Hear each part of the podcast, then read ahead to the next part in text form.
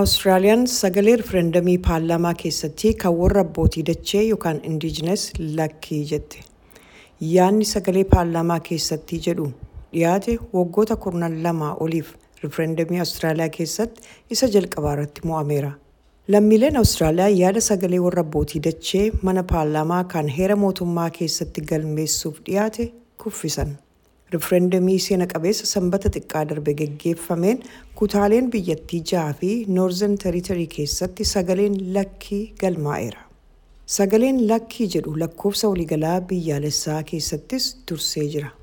Sagalee eeyyee kan galmeesse magaalaa guddittii Awustiraaliyaa qofa ture. Muummichi ministeeraa muufatee Antoonii Albanezii itti bahi kun nuun ibsu nuun qoodu jechuun cimsanii dubbataniiru. Amma walitti dhufnee karaa adda ta'e barbaannee araara buusuun hunda keenyarraa eegama jedhaniiru.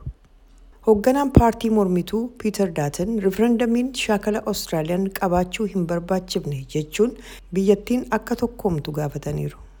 Yaadni dhiyaatee fi adeemsi kun kan qophaa'e lammiilee Awustiraaliyaa tokkoomsuuf malee nu qooduuf miti jedhan.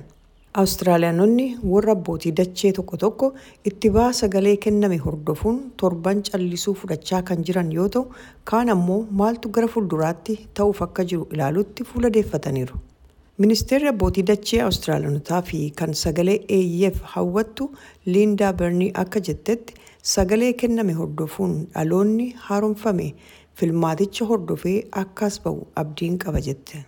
Sagalee lakkii kan deemsisaa turee fi beekamaan Waaren Mandin itti bahe kun dhimmoota warra abbootii dachee mudatan ilaalchisee lammiileen Awustiraaliyaa wanneen hojjetamuu qaban akka hojjetaman barbaadu jedhe.